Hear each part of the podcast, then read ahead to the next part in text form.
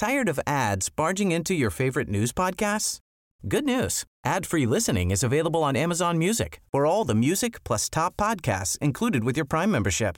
Stay up to date on everything newsworthy by downloading the Amazon Music app for free or go to amazon.com slash news ad free. That's amazon.com slash news ad free to catch up on the latest episodes without the ads. Ja, då är vi tillbaka med avsnitt 15 av podden 24 frågor. Jag heter Karl-Anders Lindahl och idag har vi faktiskt en minister med oss och det är ju alltid lika kul och spännande. Men framförallt så har jag äntligen lyckats få med en redig smålänning i podden. Välkommen hit demokrati och kulturminister Alice Bakunke. Hej och tack. Hur känns det att sitta här och vara med? Det, det känns alldeles särskilt bra när man eh, eh, blir presenterad som en redig smålänning. Det är nästan det finaste man kan bli kallad när man kommer från Småland. Redig ja. Ja. ja. det är det finaste. Man är redigt redig. Ja, det är redigt bra. Det är 24 frågor, en podd om politik 24 frågor med en intressant gäst 24 frågor, nu drar vi igång igen Det är 24 24 frågor Fråga ett. Ehm, Ja men har du lust att berätta lite var den där dialekten kommer ifrån? Min dialekt kommer från Hårda. Eh, och bara genom att säga Hårda så eh, förstärker man eh, Precis för att det ska vara, det ska vara ett R där Ja, någonstans. men vi säger inte det. Vi Nej. är rationella och pragmatiska. Det stavas H-O-R-D-A. Men vi säger Hårda. Eh, Det ligger sydost om eh, Värnamo och nordväst om Växjö. Eh, Ja, på gränsen mellan Jönköpings och Kronobergs län. Hur var det att växa upp där då? Det var eh, bra i stort sett. Eh, Det var utmanande på en del sätt. Men eh, eh, mitt bestående intryck eller avtryck eller det som bär mig idag och som har burit mig in i vuxenlivet är att jag är förunnad som fick växa upp i Hårda, i den by där min släkt på min mammas sida kommer ifrån, har kommit från i århundraden. Ja. En enorm trygghet i det. På, kan, du, kan du utveckla det lite grann? På, på vilket sätt är det, är, är det extra bra att vara uppväxt i den miljön? För mig var det extra bra därför att eh, jag blev på många sätt och vis uppfostrad av en hel by. Eh, Alla visste vem jag var och vilken plats jag hade.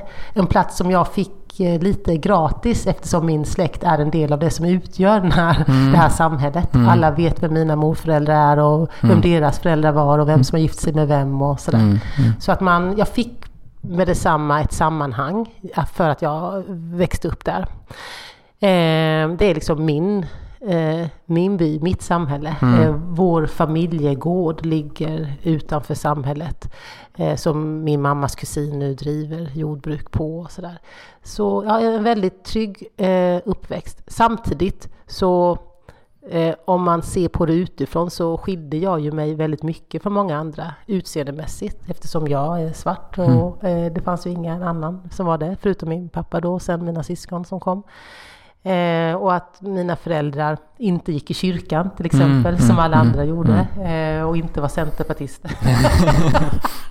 Men så, eh, och självklart är det så att den, eh, att det eh, det faktum att det fanns parametrar eh, som skilde mig från många andra gjorde ju att det fanns ett utanförskap som alltid gjorde sig påmint. Ibland på ett negativt sätt, att jag inte kände mig lika välkommen överallt hela tiden och kände mig eh, utanför. Men ibland också på ett eh, oerhört positivt sätt, att jag eh, eh, kände mig eh, speciell i min ensamhet. Det kanske låter lite motsägelsefullt men så var det.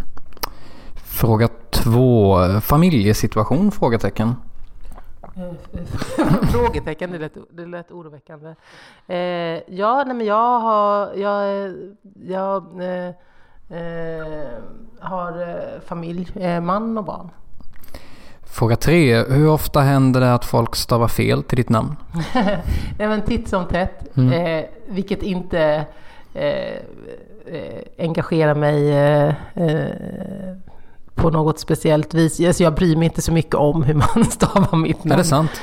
Ja, jag, jag har aldrig förstått människor som blir upprörda. Eller, eller eh, den här klassikern. Eh, ja, välkommen Birgitta Andersson. Karlsson.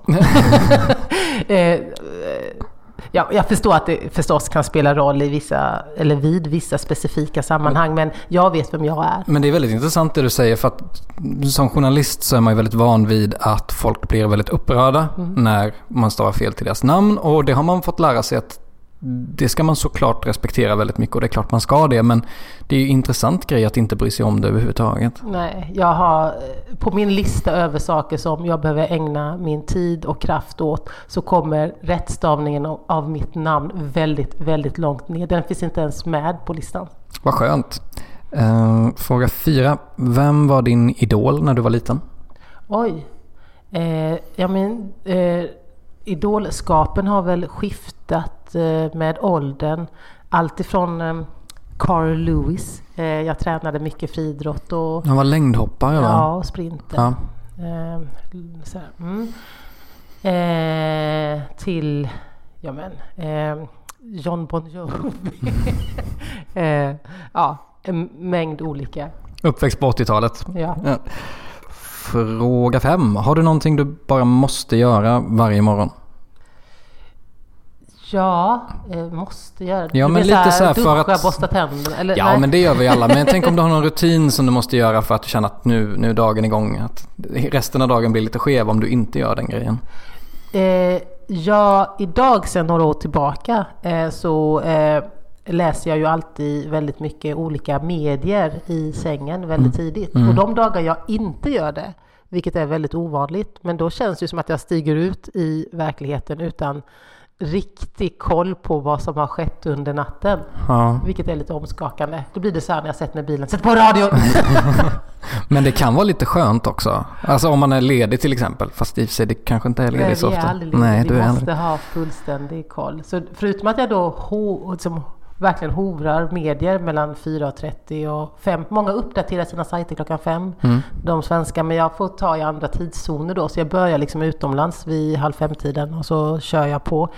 Ehm, för därefter så tar det vid i våra eh, interna chattar. När vi då samlar på saker där jag liksom har mer då eh, social mediediskussioner med mina eh, medarbetare i min politiska stab. Så det är mycket nyheter som jag behöver på morgonen för att hänga med. Har ni någon gruppchatt i regeringen? Eh, nej, ingen gruppchatt. Nej. Eh, däremot så har vi ju ja, sms och annat. Fråga sex. Vilken politisk motståndare har du störst respekt för? Politiska motståndare. Mm. Oj, jag har respekt för alla. Eh, men störst respekt. Eller vem, vem kommer du bäst överens Ja, med? mhm. ja, men jag har respekt för alla. Mm. Eh, eh, bäst överens med... Eh, ja, men jag, jag, jag upplever att jag har en god dialog med, med många, även de som har helt eh, andra politiska idéer än vad jag har. Men självklart är det så att eh, politikerna i eh, kulturutskottet Eh, eh, Lavesson eh, till exempel som är eh, ordförande i kulturutskottet är ju en politisk motståndare som jag respekterar eh, oerhört och som är en väldigt skicklig debattör och politiker. Fråga sju. Hur hoppas du att människor du jobbar med uppfattar dig? Jag eh, vill gärna bli uppfattad som eh, tydlig, kraftfull, eh, engagerad. Ja, där någonstans. Fråga åtta. Du var ju något av en överraskning när du dök upp i regeringen efter valet 2014. Um, ungefär hur gick den processen till när du, när du blev minister? Ja, eh, kort, det korta svaret är att statsministern eh, ringde Ja. eh, mm, och eh, frågade om jag ville ha ett möte med honom och frågade mig om jag ville bli kultur och demokratiminister. Var du, var du på något sätt förberedd på det samtalet? Ja, det Mm. var jag. Eh, därför att jag har ju haft diskussioner med mitt parti, Miljöpartiet, under de senaste tre valen. Mm, Eh, så att jag har ju vetat att det hela kunde ske. Och så hade jag ju förstås ett, ett samtal med min med en företrädare för mitt parti eh, innan eh, eller före det att statsministern eh, ringde. Blev det ungefär som du hade väntat dig att vara minister? Ja, eh, men eh, bättre. Jaha, på vilket sätt? Eh, ännu svårare, ännu Jaha. mer utmanande Ja. och det är sånt som jag går igång på att bli bättre av. Fråga 9. Vad tror du att är den vanligaste fördomen folk har om dig? Oj, ingen aning. Eh, eh, och eh, har aldrig funderat på det eller lägger ingen tid på sånt. Jag har inte tid med det. Jag har liksom inga marginaler för sånt som inte är att, att bara försöka förändra världen till det bättre. Du sitter inte och googlar dig själv. Nej, det har jag aldrig gjort. Ehm, fråga 10. Vilken politisk fråga gör dig riktigt arg? Oj, eh, många. Ehm, eh, orättvisor, eh, eh, egoism, kortsiktigt tänkande. ehm, att inte eh, våga driva en politik som eh, faktiskt är långsiktigt hållbar gör mig frustrerad och irriterad. Är det något... ehm, vad, vad, hur märker man på dig att du är arg och irriterad? Oj, nej men det märks nog på väldigt mycket sätt. Men dels i att jag kanaliserar ilskan och irritationen in i, i eld och glöd och verkligen hetsa upp och eh, liksom eh, ja, eldar upp mina politiska medarbetare. De, de, min politiska stab vet mycket väl när jag verkligen går igång. Är det så att de ehm, blir lika peppade eller är det som att de så, här, så fort du går ut i rummet så bara säger de okej nu sätter vi oss Nej, jobbar." det är ju, jag har ju eh, eh, flera bra sidor eh, och även några dåliga. Men en av mina absoluta eh, uspar eh, det är ju att jag är bra på att engagera människor. Fråga 11. Är du en spontan person? Ja, både och. Eh, Jag är nog mer genomtänkt än man kanske kan tro. Mhm. Eh, på vilket sätt? Jag är eh, strategisk. Eh, jag vet mycket väl vart jag ska och hur jag ska ta mig dit. Eh, så där ger jag inte utrymme för spontanitet. Men jag vet också när eh, spontaniteten kan eh, ges plats. Och då är jag spontan där. Så jag är, vad, vad ska man säga, kontrollerat eh, och taktiskt spontan. Okej, du är kontrollerat spontan. Mm. Ja. Fråga 12. Ehm, I ett av de första avsnitten så intervjuade jag Annika Strandhäll. Och då pratade vi lite om att hon kom utanifrån partipolitiken. Hon kom från den fackliga sidan. Och att det på många vis var en bra positiv grej för henne. Känner du lite likadant? För du kommer ju också utifrån. Mm. Ja, en oerhörd styrka är det. Att vara eh, den enda, tror jag, i den här regeringen, kanske eh, en av de få i tidigare regeringar som har arbetat eh, både i det privata näringslivet på ledande position, i, i det offentliga som myndighetschef eh, och i- i det civila samhället som ledare gör, ger ju mig en enorm styrka och kunskap och erfarenheter som jag nu kan kanalisera som statsråd i regeringen. Det här utanifrån synsättet, känner du att det alltid går hem hos man säger, andra statsråd eller med folk som har jobbat med politik hela, hela, hela livet? Kan de ibland känna att du gör saker lite för enkla eller lite för komplicerade eller på något vis? Ja, det finns säkert de som kan känna sig hotade av att jag har kunskaper och erfarenheter som de inte besitter. Och kanske skulle önska att de också hade varit ute och jobbat i verkligheten. Men som miljöpartist är det ju en självklarhet att vi, vi är ju det enda partiet som har en liksom, nedskriven och uttalad eh, rotationsprincip. Vi får inte ha samma eh, uppdrag eh, för länge, eh, utan i, i, i max åtta år. Därför att vi vill att de som företräder oss vårt parti, de ska ha kontakt med verkligheten. Och så jobbar man politiskt ett tag och sen får man ut i verkligheten igen. Fråga 13. Skulle du kunna tänka dig bli språkrör någon gång? Eh, om mitt parti, eh, om vår kongress eh, vill att jag ska bli det, då kan jag absolut tänka mig att jag har en skyldighet att vara beredd att ställa upp som, eh, om man är en av de främsta företrädarna. Men du har inget, eh, det är inte så att du vaknar varje morgon och tänker en dag Nej, jag... det gör jag inte. Jag har fullt upp med att vara kultur och demokratiminister. Fråga 14. Vad är det roligaste med ditt jobb? Det absolut roligaste är att det är svårt varje dag. Det är enormt utmanande. Jag måste hela tiden prestera på väldigt hög nivå. Jag måste säkerställa att jag har en bra dialog med mina politiska medarbetare och att vi ger rätt uppdrag till alla de tjänstemän som jobbar på det departement jag leder.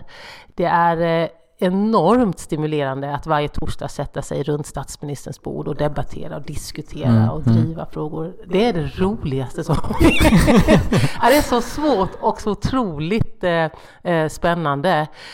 Eh, jag önskar att alla som är intresserade av politik eh, försöker eh, bli minister igen. en As a person with a very deep voice, I'm hired all the time for advertising campaigns. But a deep voice doesn't sell B2B, and advertising on the wrong platform doesn't sell B2B either. That's why, if you're a B2B marketer, you should use LinkedIn ads. LinkedIn has the targeting capabilities to help you reach the world's largest professional audience. That's right, over 70 million decision makers all in one place. All the big wigs, then medium wigs, also small wigs who are on the path to becoming big wigs. Okay, that's enough about wigs. LinkedIn ads allows you to focus on getting your B2B message to the right people. So, does that mean you should use ads on LinkedIn instead of hiring me, the man with the deepest voice in the world? Yes. Yes, it does. Get started today and see why LinkedIn is the place to be to be. We'll even give you a $100 credit on your next campaign. Go to linkedin.com slash results to claim your credit. That's linkedin.com slash results. Terms and conditions apply. Tired of ads barging into your favorite news podcasts? Good news. Ad-free listening is available on Amazon Music for all the music plus top podcasts included with your Prime membership. Stay up to date on everything newsworthy by downloading the Amazon Music app for free or go to amazon.com slash news ad free. That's amazon.com slash news ad free to catch up on the latest episodes without the ads. Därför att det är så enormt eh, stimulerande. Ja, förhoppningsvis sitter det många som lyssnar på det här som kanske är framtida ministrar. Eller ja, det borde det ju rimligtvis vara. Fråga 15, vi har varit inne på det lite innan. Men hur är du som chef? Jag har ju varit eh, chef, ledare under större delen av mitt vuxna liv. Jag är van vid att leda eh, små grupper, och mellanstora grupper och stora grupper, hela myndigheter. eh, så jag har ju ut Eh, utvecklat mitt ledarskap. Eh, eh, jag var ju mycket sämre ledare från början, för 25 år sedan. Idag vet jag vad som är mina styrkor som ledare, till exempel att kunna delegera, att ställa höga krav på mig själv, men också på de chefer jag har runt omkring mig. Ehm, jag tror att tydligheten och ansvarsfördelning är några av de två viktigaste bitarna som jag verkligen värnar om och försöker genomsyra mitt ledarskap. Har du, har du lätt för att släppa, när, alltså när du delegerar, att släppa över till någon annan? Alltså att du Oerhört lätt. Ja. Alltså jag har alltid, eh, i alla fall de senaste tre ledarskapen, dels varit eh, en fena på att rekrytera. Jag rekryterar enbart människor som är smartare än vad jag är. Eh, jag har inga behov, vilket det finns ledare fortfarande i vårt samhälle som har, att vara den som vet bäst och mest hela tiden. Det är ju att spika sig själv i foten. Det är ju bättre att ha otroligt än mer smarta människor runt omkring sig som jag då leder och dirigerar. Så det, det betyder ju att de är så otroligt kloka, eh, att jag måste ge dem tydliga ansvar, men förstås kräva en återrapportering och att det de gör faktiskt faller in i den långsiktiga strategi vi har. Men jag är bra på att delegera och hålla fingrarna borta. Eh, ge frihet, men eh, också kräva eh, leverans. Mm. Eh, fråga 16. När insåg du att du inte skulle bli friidrottsstjärna? Ja. det... för, att, för att du, har, du gick på idrottsgymnasium. Ja, friidrottsgymnasium ja, till och med. Mm. Eh, I, I Växjö på Katedralskolan. Eh, nej men det insåg jag väl eh, egentligen långt senare. Därför att det var en sån stark drivkraft under så många år att det satt hårt inne att hacka i sig att eh, det inte kommer bli så. och bita i de sura äpplen som jag blev tvungen att bita i eftersom jag har struntat i mycket vad det gäller plugg och annat eftersom jag skulle bli Mm. bäst i världen på 100 meter. Mm. Så eh, det var ju tur att det fanns högskoleprov och annat som gjorde att jag ändå kom in på universitet. Hade du någon slags, något, något speciellt minne, något speciellt ögonblick när du bara kände att nej, det, det här kommer inte hända? Något sånt minne? Eh, ja, inte vad jag kommer på nu, men jag vet däremot att det växte fram insikten om att det inte kommer bli. Eh, det var som att det växte. Det, det måste vara hemskt. Det var hemskt. Det var ju egentligen min första så här, större livskris. Att, att ha haft ett mål och satsat allt. Eh, sen bli skadad och, och det är så eh, agnarna sållas från Mm. vetet i, i friidrotten och säkert i andra sporter också. De som lyckas liksom bygga upp sin kropp och eh, kunna eh, stå ut med den påfrestning enormt mycket träning gör på kroppen och de som eh, veknar helt enkelt. Ja, ja, jag var en av dem. Ja. Eh, men ja, nej, men det var, det var hemskt. Det önskar jag inte någon. Fråga 17. Utan att använda klyschor nu. Uh, hur ska Miljöpartiet vända den här lilla krisen man är inne i? Det är ganska dåliga opinionssiffror och sådär. Vad, vad tänker du? Jag tänker att vi ska fortsätta eh, stå fast vid det vi tror på. Att den politik som vi eh, producerar, det vi levererar och gör ska ha bäring på eh, solidaritet gentemot alla människor eh, idag, eh, alla kommande generationer och gentemot våra ekosystem. Och fortsätter vi Eh, på den linjen, det som faktiskt är grunderna i vår politik, så är jag övertygad om att eh, många fler ser vikten av att bedriva en långsiktigt hållbar politik och inte eh, eh, vilja välja en politik som enbart har fokus på eh, kortsiktiga vinster här och nu. Men Jag tänker, är det... Mm, förra valrörelsen så var det ju... Ehm, hade ju Miljöpartiet målsättningen att bli tredje största parti. Den här valrörelsen så kommer det väl kanske mer handla om att vara kvar i riksdagen. Hur, hur är skillnaden när man ska peppa upp inför ett val? För nu är det mindre än ett år kvar. Mm. Eh, ja, det är förstås en, en stor skillnad, men samtidigt så är ju övertygelsen om att vi behövs mer än någonsin, starkare än någonsin. Eh, så jag tror att kraft kraften eh, kommer finnas där eh, på ett, kanske än tydligare sätt än förra gången. Vi behövs mer än någonsin eh, och det visar ju andra val i, i länder i Europa att det har gått eh, riktigt bra på sina håll för de gröna. Till exempel nu i Tyskland är det ju, är ju förhoppningsvis så bildar man ju regering eh, och eh, i Nederländerna och så vidare har det gått bra. Så att, och Österrike har en president från Miljöpartiet och så vidare. Så att ja, det, jag tror inte det blir svårt att finna kraft. Eh, Däremot så kommer det inte bli enkelt. Fråga 18. Jag växte upp på 90-talet och när jag var liten så var ju du framförallt tv-kändis.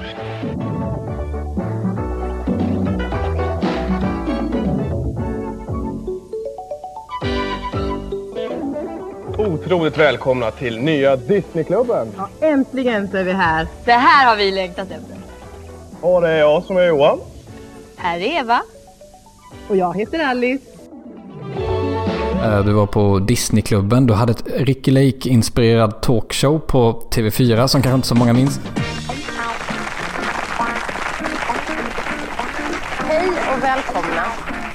Säg ordet vegan och de flesta tänker på brinnande lastbilar och frisläppta minkar. Men faktum är att de så kallade militanta veganerna bara utgör en liten, liten del av Sveriges alla veganer. Men vad, vad hände egentligen? Varför fortsatte inte den, den karriären? Därför att jag inte ville. Eh, jag är väldigt eh, glad för att jag har fått ha den. Jag blir eh, lycklig varenda gång någon påminner om den. Är det sant? Ja, det är, fantastiskt att jag var för 25 år sedan visserligen gjorde ett barnprogram tillsammans med Eva och Johan som jag fortfarande är i kontakt med. Alltså Eva är en av mina bästa vänner. Eh, det är jag jätteglad för. Det var otroligt givande och spännande. Men det var ju aldrig någon dröm för mig. Det var Nej. ett sommarjobb som blev eh, alldeles eh, för långt. Ja, ja. Så därför under de sista åren när jag jobbade på TV4 så pluggade jag ju statsvetenskap parallellt på Stockholms universitet som jag ju sen har min examen i, i svensk politik och förvaltning. Så eh, det har under en lång tid funnits en mycket tydlig plan för vad jag ska göra med mitt liv. Men frestades du aldrig att bara fortsätta för att du, karriären var ganska spikrak Ja, 90-talet? nej, det är klart jag frestades. Jag talade med, med Eva Schwartz som då var programdirektör, tror jag hon var, eh, när jag eh, deklarerade att jag inte ville fortsätta. Mm. Eh, vi talades vid om detta för inte så länge sedan. Hon sa, vi försökte övertala dig och locka dig med alla pengar och Mm. resor till USA, men, men du var så bestämd. Jag var verkligen bestämd. Jag kände att nej, nej, jag vill ju arbeta med politiska frågor, inte med TV. Och idag är jag ju väldigt glad för att jag var så bestämd. Ja. Att jag kunde tacka nej till pengar och glamour. Vad tror du att du är mest känd som? Gammal tv-stjärna eller alltså när folk typ ser dig på stan och sådär tänker de där går kulturministern eller där går Disneyklubbs eh, Alice? Nej, det är ingen aning. Jag bryr mig inte heller. Nej. Fråga 19. Har du någon guilty pleasure? Oj, många. Mm. Eh, just nu, eh, vet, eh, pepparkaksdegen har ju kommit eh, i affärerna. När det här spelas in så är det alltså i början av november. Ja, eh, så pepparkaksdeg, det här är ju inte alls smickrande, ska jag verkligen berätta detta. Men ja, det är sant. Pepparkaksdeg, jag kan, eh, som jag då köper, eh, gömmer i kylskåpet. Okej. Från, jag gömmer den från man och barn. Eh, alltså högt upp och långt bakom. Där jag går och gröper ur liksom, eh, deg och äter.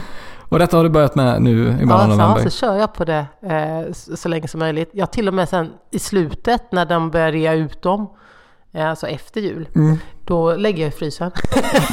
Köper jag på mig så jag har under resten av året. Så du äter pepparkaksdeg mitt i sommaren? Ja, ja, gött. Okej, ja det var ju verkligen... Kan varmt rekommenderas. Då fick jag valuta för pengarna där i frågan. Fråga 20. Vad vet du idag som du önskar att du visste för 20 år sedan? Oj, mycket. Mm. Eh, 20 år sedan, eh, du vet jag är så gammal så jag är fortfarande vuxen. Om vi hoppar 20, får nästan säga 30 eller 40 år sedan. Ja, men om vi säger 25 år sedan då? Ja, du... nej men vad vet jag? Nej, eh, jag vet att det, det lönar sig att eh, gå sin egen väg. Eh, även om man på pappret kan tro att jag alltid har gjort det med, med lätthet så har jag ju fått kämpa för att lyssna till min inre röst. Eh, och jag har fått eh, eh, jobba mycket med mig själv för att våga eh, stå emot alla de som skriker att jag är ful och fel och dum och ändå fortsätta med det jag tror på. Jag önskar att eh, någon hade sagt det till mig eller att jag kunde gå tillbaka i tiden och säga det till mig när det kändes som jobbigast när jag var i tonåren och senare. Idag är jag är som en riktig så gammal kärring och helt envis och envetet övertygad om att, eh, att eh, man har rätt att vara precis som man är. Det kanske behövdes lite osäkerhet för att komma dit rent mognadsmässigt också. Mm, ja, kanske det. Men Ja, jag önskar nog ändå att jag hade känt mig mer övertygad om det eh, långt tidigare. Fråga 20, då har jag skrivit bunken här och det är vår lilla, lilla random-låda. Det är eh, frågor som du vet inte vad det är och jag vet inte vad det är. Men du tar en liten lapp och så vecklar du upp den och så läser du högt och så svarar du på den helt enkelt. Okej. Eh, oj, då står det här. Om du hade tvingats byta förnamn, vilket namn skulle du ta? Oj, om jag hade tvingats byta. Vilket namn? Oj. Och då, för då tänker jag, då lä- läser jag in i den frågan att jag också får välja vilket jag vill. Ja, ja, gud ja. Du får välja precis vilket du vill. Ja, men, men- du, måste, du måste ha det för resten av livet kan jag säga. Du får Ja, inte byta men- tillbaka sen. Nej, nej, men eh, varför inte liksom ta i? Eh, Göran. Göran Bakunke. Ja. Ja, men det, det, jag ställer mig bakom det. Det tycker jag låter kul. Ehm, fråga 22. Hur länge kommer du eh, hålla på med politik, tror du? Jag kommer hålla på med politik i i resten av mitt liv, eh, tror eh, och hoppas jag, i någon form. Jag är ju miljöpartist som sagt var, det betyder att jag kan inte göra exakt samma saker mer än åtta år. Eh, eh, så att vara kultur och demokratiminister, det kan jag vara i max en mandatperiod till. Mm. Men sen så kommer jag att praktisera eh, politik och kämpa för en mer hållbar värld i någon annan form. I riksdagen eller i lokalpolitiken på något sätt. Man skulle kunna säga att du har hittat din grej. Jag har verkligen hittat, alltså det här är, jag har aldrig tidigare i mitt liv varit på en plats där jag känner att jag är eh, så rätt eh, utifrån mina eh, eh, ja, förutsättningar. Jag vill vara här. Fråga 23 och det här är något av en klassiker. Eh, Du och jag pratade om det lite innan vi började spela in här. Eh, Om hela regeringen skulle hamna på en öde ö. Vem skulle klara sig längst? Vi, jag klipper in här eh, Annika Strandhälls svar på den frågan. Ja. Alltså det, det är ju säkert Alice tror jag. Varför det? Eh, Hon är ganska så street smart på något sätt. Ja, hon, hon bygger en flotte. Ja, Hon, ja, antagligen på, med oss andra på något sätt och sätter sig på oss och flyter iväg. Ja, jag vet inte, det är liksom... Skulle jag kunna tänka mig. Det finns liksom inga, inga, inga gränser. Jag får en väldigt grov bild i huvudet. ja. Ehm, fråga 24. Konstig. Ja, vad bra. Nej men det är ju jätteroligt. Därför att jag tror faktiskt att Annika har, har rätt. Som i så mycket. Du hade Hon- byggt en flotte av Nej, men jag tror att jag hade varit eh, den, eller i alla fall en av dem som hade klarat mig eh, alltså bäst och Mm. längst.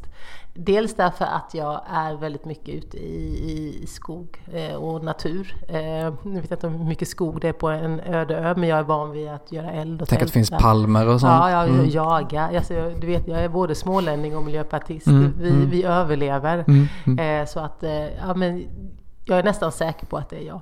Ja, ja men det var bra. Då är du och Strandhäll överens. 24. Vad händer i helgen?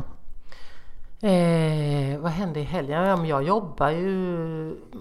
Man jobbar väldigt mycket på helger som statsråd. Mm. Det eh, men också som politiker. Eh, Så jag kommer vara med... eh, Dels kommer jag jobba på stor eh, konferens för mänskliga rättigheter.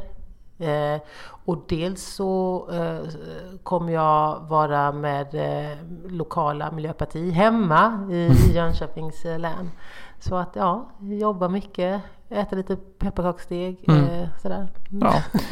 Men jag tackar dig så jättemycket för att du ville komma hit och eh, tack, för, tack till dig som har lyssnat. Eh, maila på eh, 24fragor.nyt24.se om ni har några åsikter eller frågor till bunken eller vad som helst. Så säger jag och Alice hej då. Mm. Tack, tack, hej, Hej hej. Tired of ads barging into your favorite news podcasts? Good news. Ad-free listening is available on Amazon Music for all the music plus top podcasts included with your Prime membership. Stay up to date on everything newsworthy by downloading the Amazon Music app for free or go to amazon.com slash news ad free. That's amazon.com slash news ad free to catch up on the latest episodes without the ads.